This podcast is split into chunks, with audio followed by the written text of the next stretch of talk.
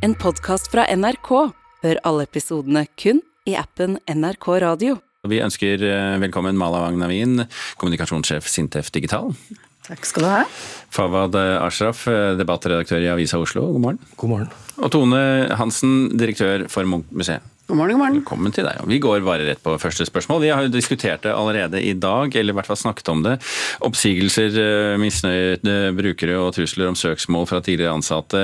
Og i dag også eh, fortellingen om at eh, Elon Musk og Twitter har stengt ute eh, journalister fra tre store amerikanske medier. Og Denne uken så sa medieviter Ida Aalen til oss her i NRK at eh, Twitter er en seiglivet tjeneste, men viktigheten av Twitter tror jeg definitivt vil gå nedover. Så spørsmålet vårt til panelet er, og vi kan begynne med deg, Mala, er tiden som verdens viktigste arena for meninger over for Twitter? Ja. Fawad? Mm, ja, jeg syns det. Tone Hansen? Ja. Du hørtes nesten litt sånn sorgtung ut når ja, du sa det. Ja, på en måte. Ja, hvorfor det? Nei, det er jo pinlig, da, for jeg har glemt Twitter. For Du måtte siden. logge deg på i dag eh, da du kom hit. Fant ikke passordet, var det det? Nei, jeg fant ikke passord. Så for deg har det ikke vært viktig, men det har jo vært viktig for mange andre. Det var viktig før. Eh, Jeg hadde veldig stor glede av de korte meldingene og kjappe, kjappe kommentarene og den lette formen å kommunisere på, som ikke krever så mye bilde og redigering og, og den type eh, vellykkethet som de andre sosiale mediene krever. Da. Så jeg syns jo egentlig at Twitter var veldig gøy, i hvert fall når de, når de ikke hadde en algoritme som styrte hvordan jeg fikk eh, informasjonen heller. Eh, men så datt jeg bare av også, åpenbart, og ikke kommer jeg meg på igjen heller, så da får det bare være. Mala. Nei, jeg har egentlig bare tatt meg, innvilget meg selv en Twitter-pause. Uh, livet er for kort til å liksom bade i sånn toxic masculinity som han uh, representerer for tiden, syns jeg. Uh, og så er det jo litt sånn spørsmål hva er det Twitter skal være? Det er en, uh, skulle jo hans Elon Musk sin oppfatning var at det skulle være en sånn ytringsfrihetsarena. Men den ene etter den andre som han ikke liker, blir jo sensurert. Mens alle andre får lov til å trolle. Han selv inkludert.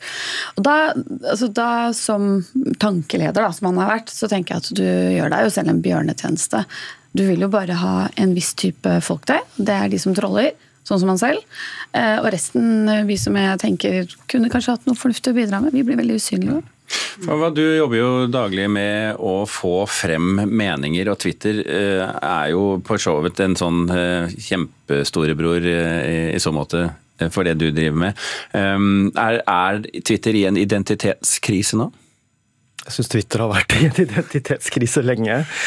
Eh, litt tilbake til eh, starten. Og da eh, Hvis du ser på Twitter da det kom til i dag, så har det jo i undertrykte land ført til revolusjoner. Så Twitter har på et øyeblikk, eller i flere viktige øyeblikk i historien, vært bra. Fordi det har vært en katalysator for meninger man ikke får fram ellers. Men sånn som det er nå, så er det etter denne overtakelsen så har det blitt, eh, blitt et sånn gjørmebad med han eh, Musk som på en måte leder an, og det er veldig underlig å observere. Um, jeg vil jo bestride at Twitter har vært en viktig kanal i det hele tatt. Da. Altså, eh, Du sa jo nettopp det fordi de var eh, jo, jo det, er, det er en del av bildet. Eh, andre, den andre delen av bildet er at jeg tror Twitter har vært eh, umulig å ikke være på. Ny teknologi er spennende. Da skal man være der. Så tror jeg alle har kastet seg inn. ikke sant? Alle offentlige kommunikasjonskanaler eksisterer der i dag. Nå snakker flere om å trekke seg ut, også i Norge. I USA gjør de det samme. Så um, jeg tror Twitter for de som bruker det, uh, og jeg er innom og sjekker, men ingen bryr seg om hva jeg skriver, uh, men de som sjekker og, og har miljøer som de følger, for dem tror jeg det er en nytte. Jeg tror det har ført til både tette vennskap, og uh, at man har fått noen å diskutere sine meninger med. Men en viktig, viktig, viktig kanal for hele samfunnet, kanskje ikke til enhver tid. Jeg skal bare ta en liten statistikk her før vi går til neste spørsmål. Vi diskuterte dette i Fredagspanelet også um, for fem uker siden. Da var svarene henholdsvis ja, håper, ja, frykter og nei. Så utviklingen nå fra dette til, eh, til at eh, de har eh, at verdens viktigste arena for, for meninger er over. Det var jo eh, ja, ja, ja. Vi ser hvilken vei det går. Også her i Fredagspanelet. Spørsmål nummer to. For første gang har det kommet tall på hvor hardt pandemien rammet kulturbransjen. Musikkbransjen tapte mest, og gikk glipp av over fire milliarder kroner. Det er da en ny rapport fra Kulturrådet som viser dette denne uken. Samtidig så økte inntektene for både litteratur og visuell kunst. Så det er en ubalanse her. Så spørsmålet er da, bør staten gi musikkbransjen fire milliarder kroner i erstatning? Nei. Tone? Nei, dessverre altså. Mm. Ja, uff, nei. De fortjener ikke det, Mala. Fortjener, det gjør de jo på mange måter, men eh, ja, det, er, det, er, mye penger. Altså selv om det, altså, de har jo tapt dem, da. Altså, bransjen har jo liksom, Det er sugd ut av men, bransjen. Men altså, nå er det dyrtid, og det er, det er, tøffe tider eh, foran oss. og Vi må bruke pengene fornuftig. Og jeg tror at man kan gjøre det på andre måter enn å bare gi de fire milliardene. Eksempel har jeg veldig trua på klippekort. Altså Man kan gi sånne kulturelle klippekort til eh, barn og unge.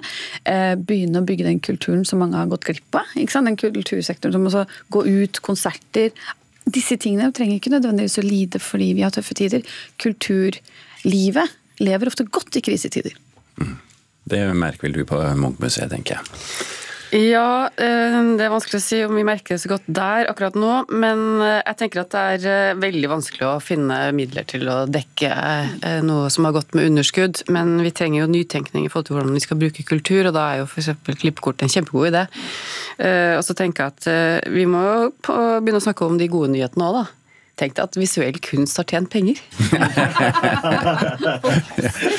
Men, ja, og at folk leser bøker i pandemi. Ja. Kan vi sørge for at den trenden fortsetter, så er jo det virkelig gode nyheter. Og så får vi se hva vi kan gjøre for å få hele bransjen opp. Men jeg tenker at i dyrtid og i en krise så må vi gjøre kulturen enda mer tilgjengelig. Eh, og det er det vi skal måles på for fremtiden. At eh, mange brukere blir med videre også når økonomien er dårligere i husholdningene. Og det tenker jeg at det er et politisk ansvar som er viktig. La oss si at vi, vi justerer litt på spørsmålet, da, Fawad, og ikke si nøyaktig 4 milliarder som skal bare rett i lomma på musikerne, men at det skal eh, økes støtten til spesifikt musikkbransjen i Norge. Mm. Ja, altså Jeg nølte da jeg svarte, fordi jeg også syns at uh, det er uh, ugreit at uh, det har rammet så skjevt. Men da kompensasjonsordningene ble på en måte laget, så var det jo tanken at uh, de skal treffe så uh, generelt og bredt som mulig og gjelde alle. Så vet vi nå at noen som skulle få, ikke fikk, og omvendt. Så jeg liker den der Robin Hood-tanken å ta fra de som skulle, eh, ikke skulle hatt, og gi til de som skal.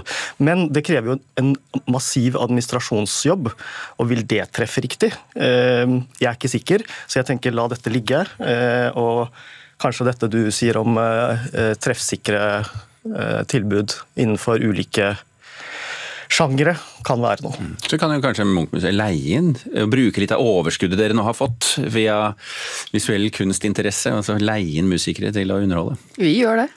Mm. Mer. Vi, skal, vi, vil gjøre det mer, selvfølgelig vil vi gjøre det mer. Det koster jo litt penger hos oss også, da. Ja. Eh, Uansett. Men jeg tenker at eh, vi må styrke Kulturrådet, og den frie midlene til eh, de som faktisk produserer, der virker pengene aller best og treffer musikeren. Fordi jeg er jo litt bekymra hvis vi skal putte fire milliarder inn i et sort hull som er stor, stor bransje som også tjener godt med penger, da. Mm. Ok, Vi går til eh, spørsmål uh, nummer tre, som nok ikke kommer til å handle om økonomi. Nemlig at uh, denne uken så kåret Språkrådet ordet krympflasjon som årets ord. spørsmålet vårt, var det riktig valg, Tone? Ja. Mm, ja. ja. Men dere har fått en liste over minst ti ord som kunne vært eh, også.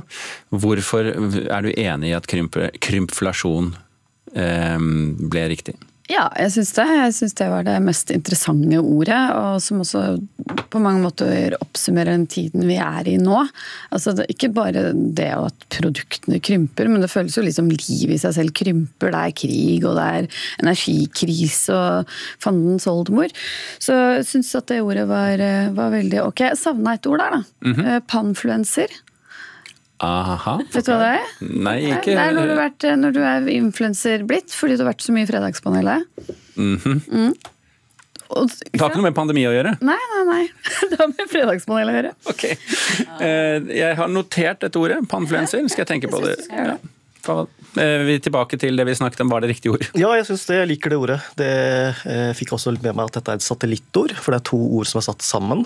Uh, og uh, den formen for språk er jo også en eh, måte folk altså det, er blitt en greie. Mm. og det har vært i hvert fall på engelsk at man kjører sammen ulike ord og gir dem en ny betydning.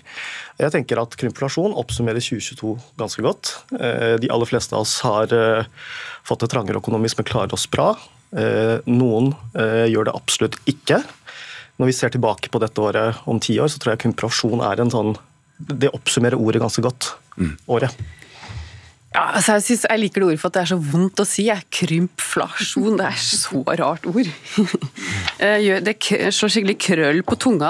Det er, sånn, det er skikkelig motstand i det. Det gjør vondt i munnen. Eh, men jeg liker det bedre enn fjorårets sportsvasking. Den, den, glemte vi ganske fort. Ja. Eh, så, så, krympflasjon, ja. Og så tenker jeg at det er ganske bra at vi har litt krympflasjon i sjokoladedisken. Uh, nå er jo den store saken at Det er fint å spise mindre sjokolade, men ikke å betale det samme. Fedme. Eller mer. Du betaler ja. jo mer, da, ikke sant? For mindre. Mer for mindre uh, for sukkeret. Det er litt synd at det kanskje uh, ikke er staten som tjener penger på det, det men noen andre. ja, vi hadde jo navn f.eks. som Strømsmart, som også er to ord som går sammen, og som, som går rett inn i vår hverdag. Men strømsmart, det, det, har det ordet satt seg like mye? Jeg leser krympflasjon, eller legger merke til krymflasjon mye mer i dagligtale og i, i praten om konsekvenser for oss. Eh, og så syns jeg jo tematisk eh, Det har ikke kommet noen nye ord ut av det, men jeg tenker jo milliardærene som har flyttet til Sveits. Hvis det hadde kommet noen nye ut av det, så er det et godt bilde. Vil du lansere et ord nå? Åh, ikke, ikke, ta meg, ikke be meg om å gjøre det her på her nå. Vi må ha en workshop. Og det andre er jo eh, noe som sier noe om rettsvesenet i Norge i 2022. Justismordene. Vi kaller de for skatteflyktninger, da. Ja, skatteflyktninger gjør vi. Mm. Ja, rettsvesenet, det kunne blitt vondt. Vi stopper det der før, det, før dere kommer på et sånt ord. Men det er jo interessant, for det er veldig vanskelig å krympe en brokkoli. Det er jo de varene som er masseproduserte, som kan krympes. Så jeg liker det. Altså. Du kan liksom la den slutte å vokse, da. Ja. Så da har du mindre brokkoli, og så tar du samme pris. Brokkolini er jo et forsøk på krympflasjon. Eller at noen på Sintef klarer, klarer, å finne en maskin som faktisk klarer å krympe ting. Ja, vi, er, vi, er, på saken, Birger. ok, eh, vi, det, da får dere gå og finne ut måter å krympe ting på. Eh, takk for at dere var i Fredagspanelet i dag, Tone Hansen, direktør ved Munch-museet, Fawad Ashraf, debattredaktør i Avisa Oslo, og eh, Malavang Navin i Sintef Digital. Du har hørt en podkast fra NRK. Hør alle episodene kun i appen NRK Radio.